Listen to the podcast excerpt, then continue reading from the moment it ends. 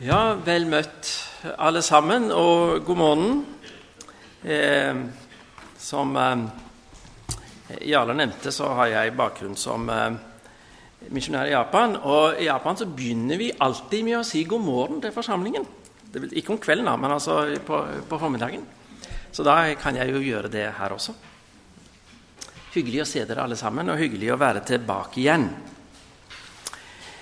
Eh, det er ikke den enkleste bukett av temaer eh, arrangerende for årets fordypningsdager har gitt meg for de tre foredragene jeg skal ha her.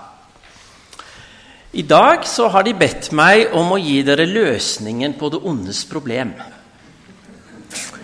I morgen så vil de at jeg skal fortelle dere om fristelser og deres farer. Og når vi er godt og vel gjennom ondskapen og fristelsene og er kommet til søndag, foredraget før gudstjenesten, da skal vi ta fatt på forfølgelsene. Jeg er ikke helt sikker på om jeg skal ta denne buketten av temaer som en tillitserklæring. Eh, at noen, faktisk noen som mener at jeg kan løse både ondskapens, fristelsens og forfølgelsens problemer, eller om det er jeg som har fått de temaene ingen andre ville ha. At jeg liksom kom bakerst i køen når temaene skulle deles ut. Men uansett så er det dette som er oppgaven, så da får vi eh, frimodig ta fatt. Og det jeg er bedt om å gi dere i dag, er altså løsningen på det ondes problem. Skal vi kort be sammen først. Takk, himmelske Far, for at vi får samles på denne måten. Må du nå tale til oss og gjøre oss stille for det du vil at vi skal få med oss, slik at eh, vi kan bære med oss noe som gir noe både for troen og for livet. I Jesu navn. Amen. Ondskap det er noe som vi alle har erfaring med. Vi skiller gjerne, når vi skal være litt prinsipielle og akademiske, og det er vi jo gjerne her, så skiller vi mellom to former for ondskap. Det som vi kaller for moralsk ondskap og naturlig ondskap. Moralsk ondskap er det som på en eller annen måte har med menneskelig svik og synd å gjøre. Den møter vi også i to forskjellige former. Det er den ondskap jeg rammes av fordi andre feiler og gjør meg urett. Og så er det den ondskap som sitter i mine egne holdninger og handlinger. Naturlig ondskap det er det vi rammes av i form av naturkatastrofer og naturens gjenstridighet. Eh, noen ganger er grensene mellom disse to formene for ondskap litt utydelig. Det kan hende vi rammes av naturkreftene fordi vi ikke har tatt tilbørlig hensyn til dem. Når fattige bønder får dårlige avlinger fordi de bare får dyrke jorden der det er dårlig jord, da er ikke, eh, da er ikke det bare et naturskapt problem. Det har også det med menneskelig ondskap å gjøre. Klimaendringer og deres konsekvenser ser også ut til å være eksempel på menneskers misbruk av naturen, sånn sett tvetydig. Men vi kan også noen ganger rammes av naturkatastrofer som vi ikke med rimelighet kan laste mennesker for. Jordskjelv, eventuelt med påfølgende tsunami, er ett eksempel på det. Eh, jeg var selv i Japan da vi opplevde det store jordskjelvet i Kobe-området i 1995, så dette vet jeg litt om.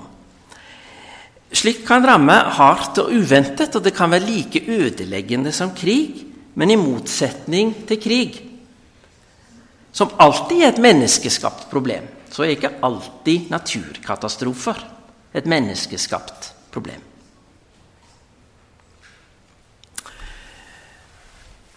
Ondskap ødelegger og er slik sett alltid et problem. Men når vi snakker om det ondes problem, i den sammenheng som vi møter det her, så tenker vi på noe annet, på noe mer presist. En del av den kristne trosbekjennelse er troen på Gud som skaper. I den ikenske trosbekjennelse, den mest økumeniske av alle trosbekjennelser, så sier vi det slik Jeg tror på én Gud, den allmektige Far, skaper av himmel og jord, alt synlig og usynlig. Vi bekjenner altså vår tro på Gud som skaper. Den Gud vi slik bekjenner vår tro på, har vi lært å kjenne som kjærlig og god. Her sier vi også at Gud er opphav til alt som fins. Da må Gud på en eller annen måte også være det ondes opphav. Hvordan skal vi forstå det? Hvordan kan Gud være både god og skaper av alt som fins? Når det blant det som fins, både er godt og galt. Både det oppbyggelige og det totalt ødeleggende. Det er det vi mener når vi snakker om det ondes problem. Og hva er det som er løsningen på det problemet?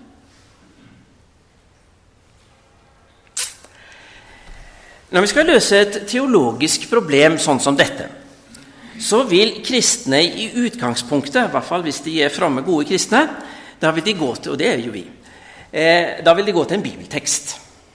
Så slår de opp i den teksten og stiller spørsmålet hva sier den? Hva sier den relevante bibelteksten om dette spørsmålet? Problemet i dette tilfellet er at når vi slår opp der denne teksten skulle ha stått, så står det ingenting der. Det er veldig lett å si hvor teksten som skulle ha gitt løsningen på det ondes problem, hvor den teksten skulle ha stått. Den skulle ha stått mellom kapittel 2 og 3 i første Mosebok.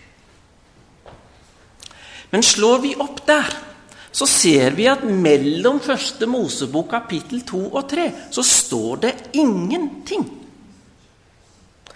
Det ser ut som det mangler et kapittel.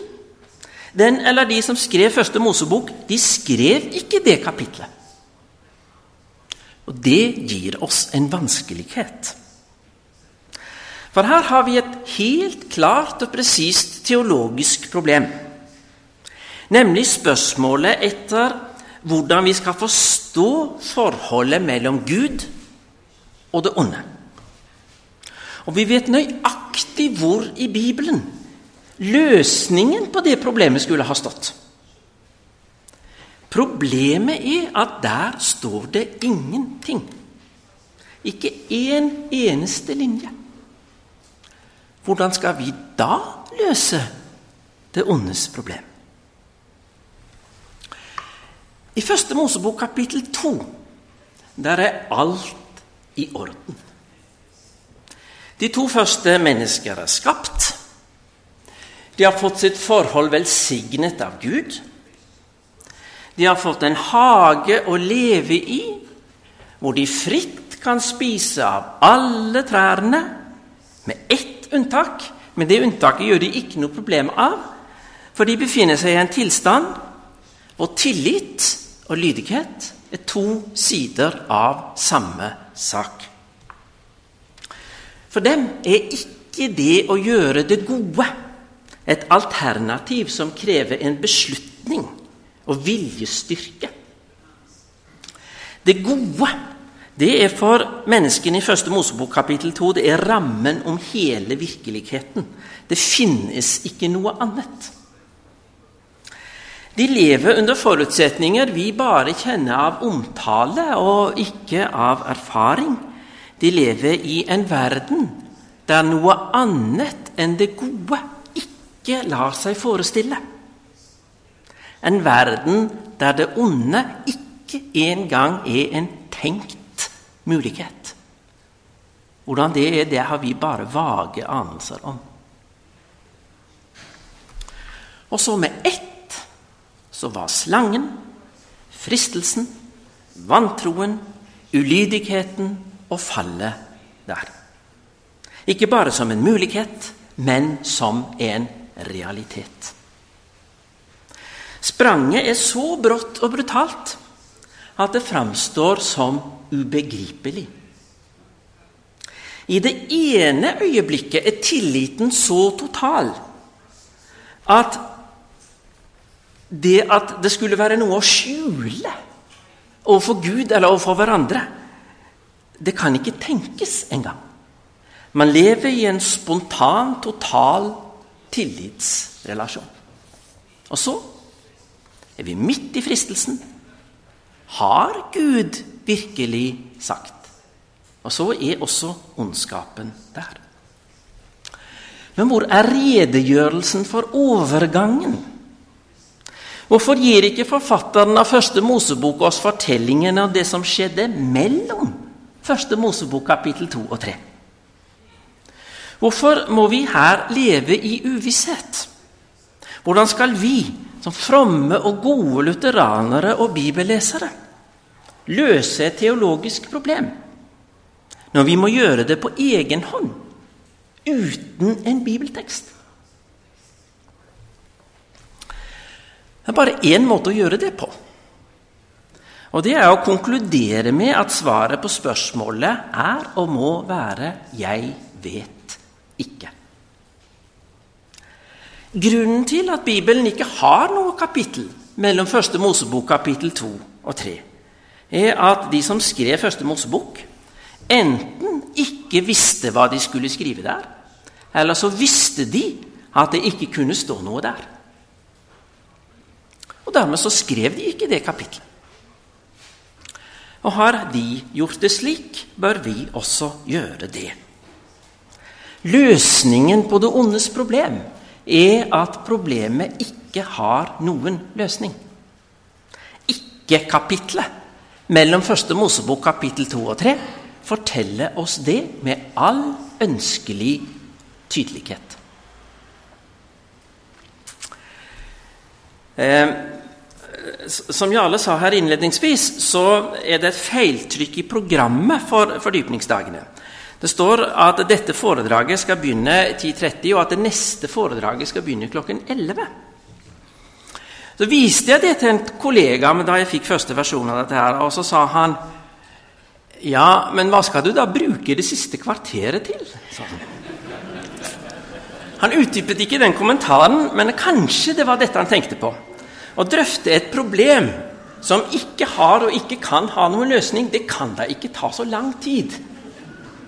Det å bare si at det problemet ikke har noen løsning, og så gå og sette seg igjen, det kan da ikke ta en halv time.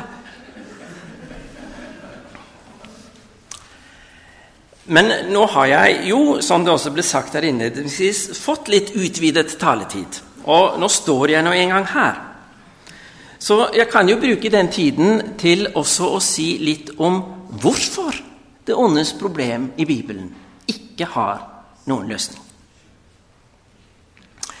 Det henger sammen med at på Bibelens premisser er ikke dette et teoretisk, men et praktisk problem. Teorien den er relativt enkel. Gud har skapt alt og dermed også på en eller annen måte det onde. Han har ikke skapt det onde og det gode på samme måte, og det kan sies mye, det, mye om det, men til syvende og sist er Gud opphav til alt som fins, også det onde. Det er imidlertid den praktiske konsekvensen dette stiller oss overfor, som Bibelen er interessert i, og det har den ganske mye å si om. Gud er opphav til alt som fins. Slik er det bare. Det fins ingen rasjonelle, velbegrunnede alternativer til den påstanden. Ateisme som intellektuelt prosjekt er nokså mislykket. Klarer vi likevel å tro på Guds godhet og kjærlighet? I Romane 8,28 så står det at alt tjener til det gode for den som elsker Gud. Det er et apostolisk løfte. Klarer vi å tro på det løftet? For det er dette som er målsettingen for den bibelske framstillingen. Å gjenopprette tilstanden. Fra første Mosebok kapittel 2 hvor det er det gode som setter ramme og grenser for livets muligheter. Vi skal gjennom møtet med og erfaringen av det onde tilbake til den tilstand hvor det ikke finnes noe utenfor Guds grenseløse godhet.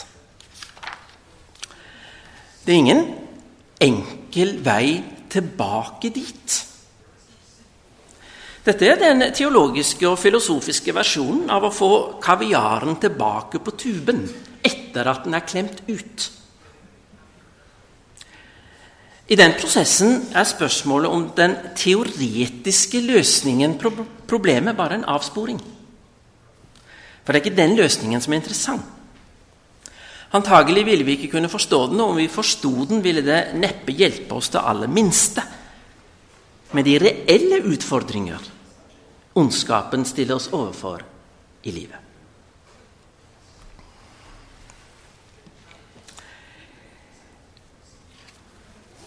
Jeg begynte i første Mosebok, og det er jo ofte et godt sted å begynne. Men den boken i Bibelen som tydeligst tematisere spørsmålet etter det ondes opphav, og dermed også tydeligst begrunne at spørsmålet ikke har et svar på teoriplanet. Det er Jobbs bok. Saklig sett kan en dermed si eh, kanskje at det er Jobbs bok som hører hjemme der det manglende kapitlet mellom første Mosebok 2 og 3 skulle ha stått. Men det ville sett litt rart ut hvis vi stappet Jobbs bok inn der. Så sånn Litterært sett er det helt greit at første Mosebok hopper over det og overlater den utdypende refleksjonen til andre. Jobb rammes både av moralsk og naturlig ondskap. Overfall og naturkatastrofer gjør at han mister sin rikdom, sin familie og sin helse. Så kommer tre av hans venner og skal prøve å komme med trøst. Men det er ikke rare trøsten de har, synes Jobb. Det de har med seg, er nemlig en teoretisk løsning på det ondes problem. De insisterer på at Jobb vil ha utbytte av å tilegne seg denne teoretiske løsningen. Deres utgangspunkt er at mennesker rammes av ondskap som straff for synd. Det er det de prøver å overbevise Jobb om gjennom atskillige kapitler. Derfor vil de at Jobb skal innrømme det og gjøre bot. Da vil skjebnen hans snu, mener de. Det er den løsningen som vi kaller for moralismens løsning. Den sier at det gjelder å leve et godt liv, og så går det deg godt. Jobb har ingenting til overs for den løsningen. Den er feil på to punkter, mener Jobb. For det første er livet ikke så enkelt at det er et enkelt og entydig forhold mellom investering på den ene siden og resultat på den andre side. Det er ikke slik at om du gjør det gode, så er du sikker på at det går deg godt. Og hvis du opplever motgang, så må det nødvendigvis være straff og synd. Det er Jobb ikke med på. Her har Jobb utvilsomt rett. Det er noe som bekreftes både av andre bibeltekster, f.eks. Salme 73 i, i, i Det gamle testamentet, som eh, har en ganske utførlig refleksjon over at det kan gå de urettferdige ganske godt i livet. Og salmisten eh, Det er rett og slett en alvorlig utfordring for hans eh, anfektelse. Kanskje han i utgangspunktet tenkte som Jobbs venner. Men han ser når han ser rundt seg, at de, de slemme kjeltringene de har det jo aldeles utmerket. Eh, det er ikke noe entydig forhold her. Og Jesus selv tematiserer dette i fortellingen om den blindfødte, Johannes evangeliet kapittel 9, og sier dette at den vanskjebne han lider, det er ikke en straff for synd. Jesus sier det helt tydelig. Og vi har vel en og annen eh, erfaring av dette selv også. Det er ikke alltid slik at livet er best for de snille og framme.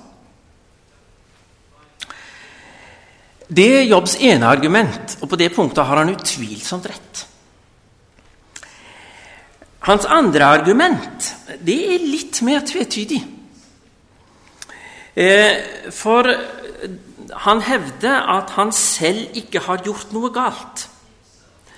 Og Derfor kan han ikke ta sine erfaringer av ondskap som noe det er en form for rettferdighet i. Her kan nok vi som gode lutheranere, som har lært både av Paulus, Augustin og Luther å ta menneskets syndighet på alvor, synes at Jobb iblant går litt langt i sin, eh, sin prosedyre for sin egen fortreffelighet i, i, i kapittel eh, 31 La Gud veie meg på rettferdsvekt, så vil Han forstå at jeg er uskyldig. Sånt er det ikke i mitt liv, sier Jobb.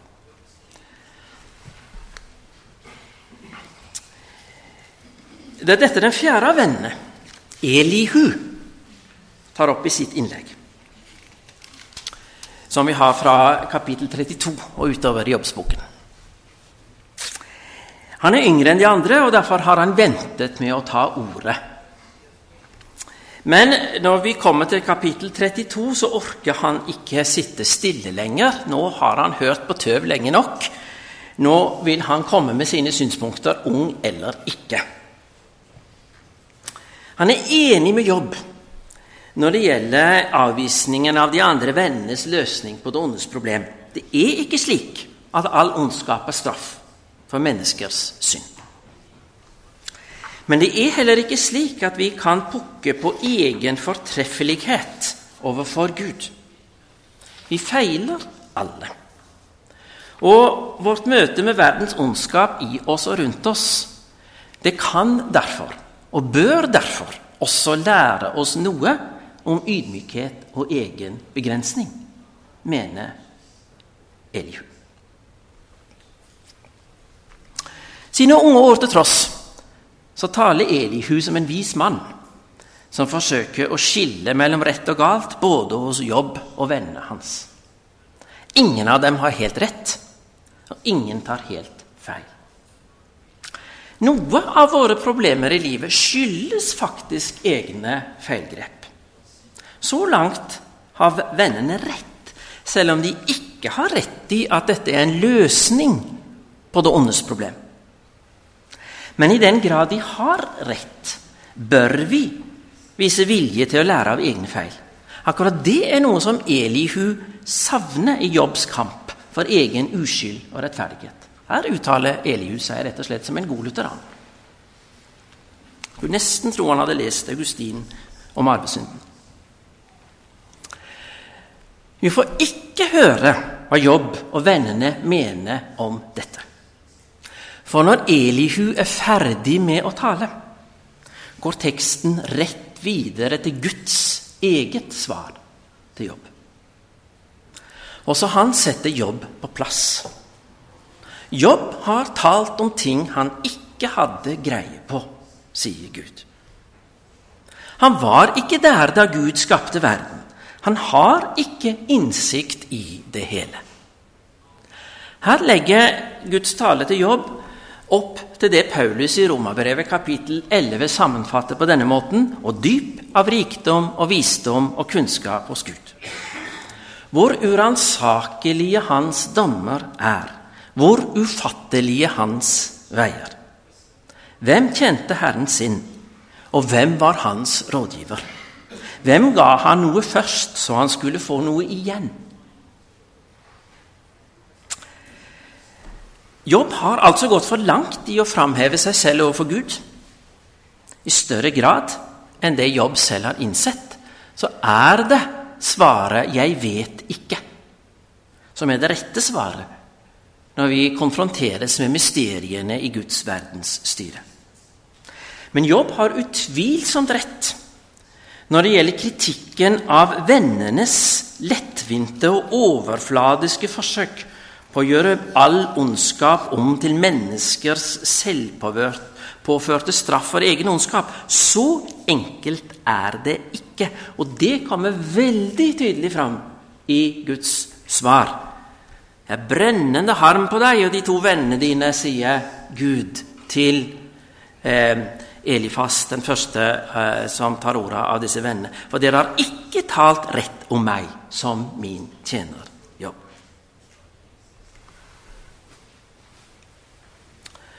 Det vi ikke får i Jobbs bok, er Guds kommentar til det Elihu sa. Han avviser som sagt uttrykkelig synspunktene fra de tre andre, de som hadde denne enkle teoretiske løsningen på problemet. Den vil Gud ikke ha. Men det Elihu sa, det får stå uten noen annen kommentar enn den som indirekte ligger i at også hans svar trenger en utdyping, som den får i form av at Gud selv må tale til Jobb. For at Jobb fullt ut skal kunne innse sin egen stilling. Forskjellen mellom det Elihu sier, og det Gud sier, ligger slik antagelig mer i hvem det er som sier det, enn i hva som sies. Fordi det ondes problem er et praktisk og ikke et teoretisk problem, kan vi til syvende og sist ikke få et rett forhold til det ved å studere det andre har sagt. Vi trenger som jobb et møte med Gud selv, som viser oss Guds makt og Guds omsorg og Guds kjærlighet gjennom de erfaringer med det onde som vi gjør selv.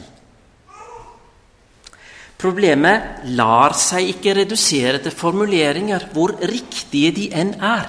Og Elihus formuleringer er ganske riktige. Vi må møte Gud selv gjennom det som sies og erfares. Bare da kan vi bæres helt fram til den urokkelige tillit som er utgangspunktet og målsettingen for det hele. Alt tjener til det gode for den som elsker Gud. Alt. Altså også våre erfaringer med og våre mislykkede forsøk på å løse det ondes problem. Alt lar seg fange opp av Guds allmektige kjærlighet.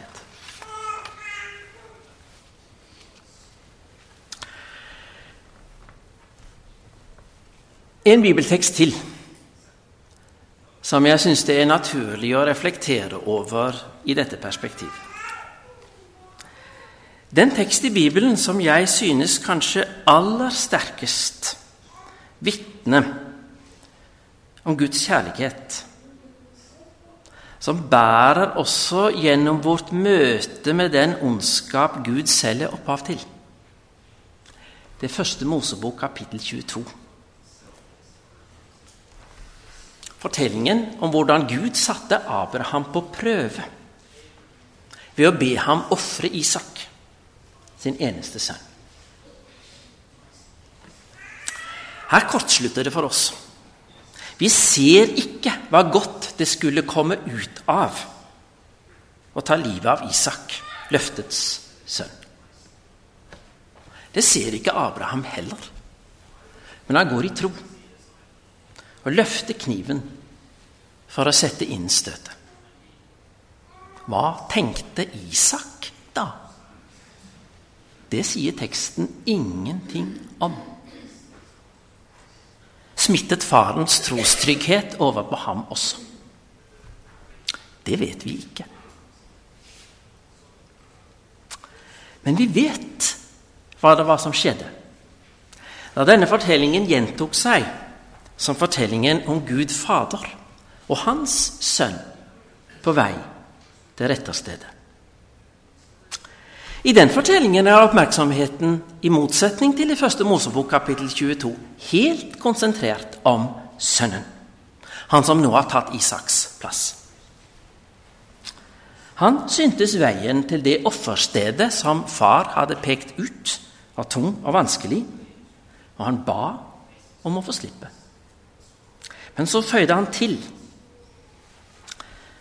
Og i den bønnen er det vi ser løsningen på det ondes problem, så langt det er gitt oss å se den. Ikke som jeg vil, men som du vil.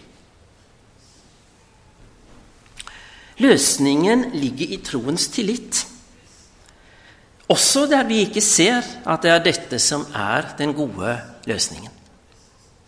Vi vandrer i tro uten å se. Isak slapp unna kniven. Det gjorde ikke Jesus. Men de fikk begge oppleve løsningen som lå bortenfor erfaringen av den totalt uforståelige ondskapen. For Isak kom den i form av en vær som ble ofret i hans sted. For Jesus kom den i form av oppstandelsen påskemorgen, når den evige fred var sikret, en form som også lot seg gi videre, og som Jesus også ga videre da han møtte disiplene påskemorgen. Ta imot Den hellige ånd, sa han. Dersom dere tilgir noen syndene deres, er de tilgitt. Dersom dere fastholder dem for noen, er de fastholdt. Den praktiske løsningen på det ondes problem er realisert. Den består i å tømme kalken til bunns og gå veien til ende, og så finne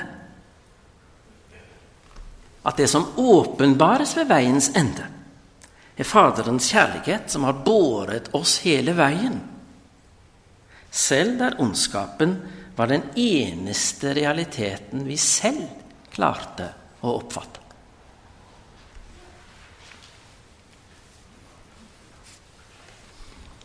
Det er ikke enkelt å få kaviaren tilbake på tuben. Det er ikke enkelt å finne veien tilbake til paradishagens uskyld når veien dit er voktet med kiruber med flammende sverd. Men Jesus gjorde det. Og han har sagt at det han da gjorde, skal også tilregnes oss. Vår erfaring med den fullkomne tillitens gjenopprettelse den er nokså stykkevis og delt. Det skal jeg si litt mer om i morgen. Men vi får gå den sammen med en som alt er kommet fram. Og hans seier tilregnes også oss, som om det var vi selv som hadde vunnet den. Det er det som er den bibelske løsningen på det ondes problem. Det er tid for en liten oppsummering. Det ondes problem det blir til når vi setter sammen Guds makt og godhet på den ene siden og vår opplevelse av ondskapen og dens overveldende makt på den andre siden. Vi står altså i et krysspress mellom Guds godhet og ondskapens realitet. Ingen av oss slipper unna det krysspresset. Og det ondes problem skapes av den spenningen. Problemet er at hvis vi prøver å tenke oss en teoretisk løsning, så må den ene av de to motpolene reduseres. Slik at spenningen mellom de blir noe vi kan tankemessig håndtere. Da må vi enten redusere Guds makt eller Guds godhet. Eller ondskap må oppfattes som noe som kan reduseres til menneskelige feilgrep. Dersom vi reduserer Guds makt eller Guds godhet, så faller den bibelske tanke om Gud som skaper og opphav til alt som fins. Da blir Gud en sterk makt ved siden av andre makter. Og all gudstro blir en form for avgudsdyrkelse. For da tror vi ikke på den ene Gud som er herre og opphav til alt. Alternativet er en form for moralisme, hvor det onde er menneskets ansvar. Og problemets løsning består av at vi bestemmer oss for å være gode. Verken avgudsdyrkelse eller moralisme er gode løsninger. Heller ikke om de kombineres, noe som er ganske vanlig. Bibelens vei er å fastholde spenningen mellom Guds godhet og makt på den ene siden og ondskapens realitet på den andre. Erklære det problemet for teoretisk uløselig, simpelthen hoppe over det, og se etter løsninger på et annet nivå. Den praktiske løsning ligger i å nekte å se godhetens og kjærlighetens muligheter som oppbrukt. Også der hvor det onde tilsynelatende har vunnet en total seier. Kjærligheten, sier Paulus, utholder alt, tror alt, håper alt, tåler alt, også der alle muligheter for det gode menneskelig talt er borte. For den guddommelige kjærligheten har en evighet å gjøre det på. Og da blir håpet aldri borte. Den praktiske veien å møte med radikal ondskap er derfor alltid å holde for øye de bilder og fortellinger som vitner om Guds vei gjennom det onde til seieren på den andre siden. Det gjelder helt uavhengig om den ondskap vi opplever egen eller andres, eventuelt naturens, ansvar. Løsningen er uansett den bibelske mulighet for å hvile i Guds kjærlige makt, også der alle muligheter menneskelig talt er oppbrukt. Ikke lett å tenke seg helt tilbake til første Mosebok kapittel 2 og den uforstyrrelige tillit som preger de to vi hører om. Det er ikke lett når ondskapen er alt vi ser. Men Jesus har gått den veien, og han holder porten åpen for oss. Etter påskedag er det faktisk mulig å gå forbi kirubene og tilbake inn i paradishagen. For oss er denne veien bønnens vei. Salmenes bok i Det gamle testamentet er stappende full av bønner fra mennesker som møtte ondskap i form av ulykker eller andres eller egnes svik og feighet, og vende seg til Gud med sine erfaringer. I det finner de trygghet. Det er det sterke vitnesbyrd fra Salmenes bok. Og den veien står åpen også for oss. Og så finner vi bønnens erfaringer fra mennesker som har strevd med den praktiske tilnærming til det ondes problem, i salmebøkene våre. For mange av salmedikterne våre de kjenner denne praktiske kampen med det ondes problem svært godt. La meg slutte med noen eksempler derfra. Et av de sterkeste har vi i salmen som heter 'Lær meg å kjenne dine veier' av den danske presten Jakob Pauli. Der heter det i siste vers om Guds grenseløse kjærlighet. Den tørrer tåren som den skapte, og leger såret som den slo. Her er den uforståelige spenningen mellom kjærligheten og ondskapen utholdt uten noe forsøk på å redusere. Gud som er kjærlighet, er også bak erfaringen av livets katastrofer. Men nettopp derfor er det også mulig å tro på den helende mulighet uten å måtte fornekte realiteten og radikaliteten og det uforståelige i den ondskap en har erfart. Kjærlighetens vei går gjennom det vi tapte. Den gir oss mer enn den tok. Det er ikke alltid vi ser det, at livets kjærlighetsregnskap går opp i pluss. Men det er mulig å tro og erfare det likevel. Både Svein Ellingsen og Eivind Skeie har sterke salmer om dette. Tenk på å være sterk, min sjel, i denne tid når du har tungt å bære. Og en dag skal Herrens skaperdrømmer møte den jord som slektens ondskap har lagt øde. Men det aller sterkeste vitnesbyrd om den praktiske løsning på det åndes problem i Salmebok for Den norske kirke, det har for meg lenge vært Alfred Hauges salme. Når strie stormer mot deg jager. Han skrev den salmen allerede som en ung mann i 1940. Kanskje det er erfaring med krigens ondskap som skaper klangbunnen. Så skal jeg avslutte dette foredraget med å lese den salmen i sin helhet. Slik den er gjengitt i eh, Norsk salmebok for Den norske kirke på nummer 477, skal jeg kommentere noen av formuleringene der til slutt. Der står det slik Dette er salme på nynorsk, så det er en liten eh, test på tolken. For tolken, dette her, men Når strie stormer mot deg jager, og mørke hausten synes nær. De øyest dine rike hagar, i molla morknar blad og bær. Da har du livsens fullnad nådd. Det Herren gjør, er alltid godt.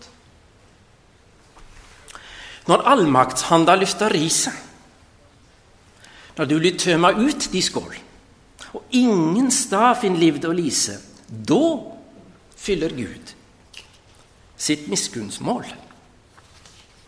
Det gyller sol mot uværsgrått. Det Herren gjør, er alltid godt. Og syner han deg djupe grunner av natt i dine sjelehav. I angst du opp mot dagens stunder. Og takker Han som dragnad gav og lengt mot lys og himmelblått. Det Herren gjør, er alltid godt. Det kjem en dag da hver ei tåre som rann på tvunge regningsveg, skal bytast ut i perler klåre når du mot paradiset dreg. De gåte har si løysing fått. Det Herren gjorde, det var godt. Her er det både ytre og indre årsaker til erfaringen av ondskap. De strie stormene, allmaktshånden som løfter riset, grunner av natt i eget sjelehav. Det trenger ikke være synsproblematikk. Det kan også være erfaringen av psykiske problemer, som Alfred Hauge hadde sin del av. Her er det ingen forsøk på teoretisk løsning. Det er allmaktshånden som står bak. Forventningen om en løsning er det nok. Men en løsning som tilhører det evige Guds rike, og derfor må gis av Gud selv. Det kommer en dag da hver ei tåre skal byttes ut i perler klåre. I og gjennom alt dette har salmen sin insisterende refreng. Det Herren gjør, er alltid godt. Er det dekning for å si det? Ikke som en teoretisk løsning som skal få det hele til å gå opp. Heller ikke som en forsikring om at det er nok en mening med det. Det blir billig. Og Det hjelper ikke den som kjemper med reelle problemer. Men med referanse til Romabrevet kapittel 828 så er det grunnlag for å si det Alfred Hauge her sier. Alle ting tjener til det gode for dem som elsker Gud. Noen annen løsning på det ondes problem har vi ikke.